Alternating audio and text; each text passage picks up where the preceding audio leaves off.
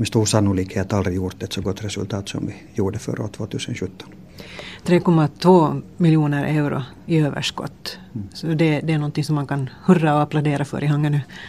Nu kan man göra det nu. nu kan man göra det. det är ju förstås eh, många, många olika faktorer som har spelat in och nu, nu, nu har alla liksom bitar råkat falla på plats på ett mycket gynnsamt sätt och det där bidragit, bidragit till ett så här pass fint resultat. Det är större intäkter och minskade kostnader 2017 jämfört med vad staden budgeterade för som gör att bokslutet nu visar ett överskott på drygt 3 miljoner euro. Försäljningen av tomten på Fabriksudden, där det nu finns bostäder och ett spa, gav en miljon euro som inte fanns med i budgeten, så det var ett välkommet tillskott. Hangö fick också mycket större skatteintäkter.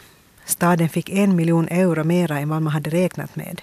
Det här beror bland annat på att arbetslösheten har minskat, säger Strandell. Arbetslösheten har sjunkit kraftigt. Och kraftigt betyder 3-3,5 procent under år 2017. Så det är en, det är en stor, stor det där eh, förändring.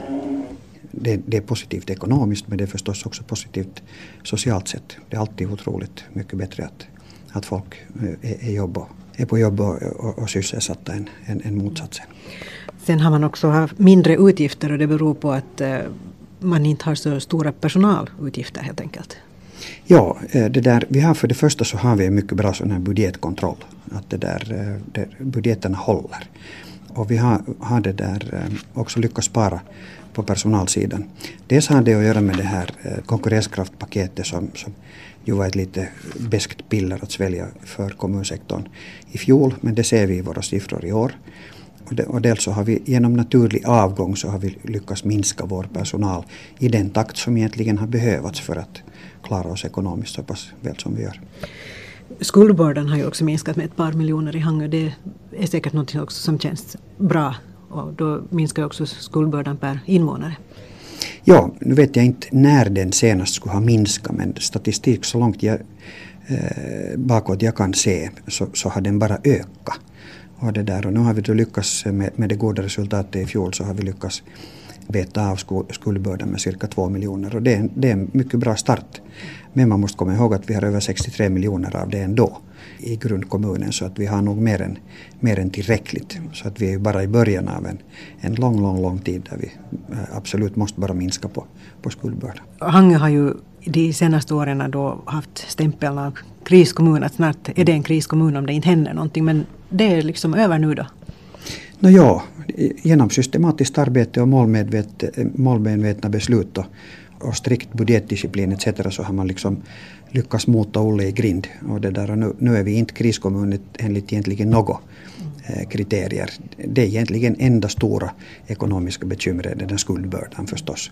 Men äh, sköter man ekonomin på det här sättet så klarar man av den där skuldbördan sakta men säkert. Men kanske vårdreformen då istället är en positiv sak för Hangö?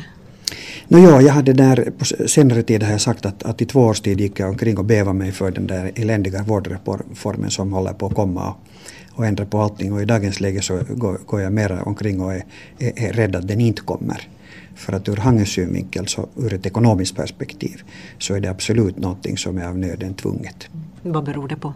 No, det beror på att vi har, eh, vi har det där Nylands högsta social och hälsovårdskostnader och det har mycket att göra med vår befolkningsstruktur. Vi har en, en åldrande befolkning som åldras rätt snabbt. Vi har mer än 9 procent pensionärer i dagens läge och situationen blir liksom snabbt vi kan se fram emot nästan dubbla mängden 75-plussare inom, inom en 10-15 år. Och det här är ju absolut inget problem ur något annat hänseende. Men, men ur ett strikt ekonomiskt hänseende så vet vi att social och hälsovårdskostnaderna eh, med en sån befolkningsstruktur kommer att öka.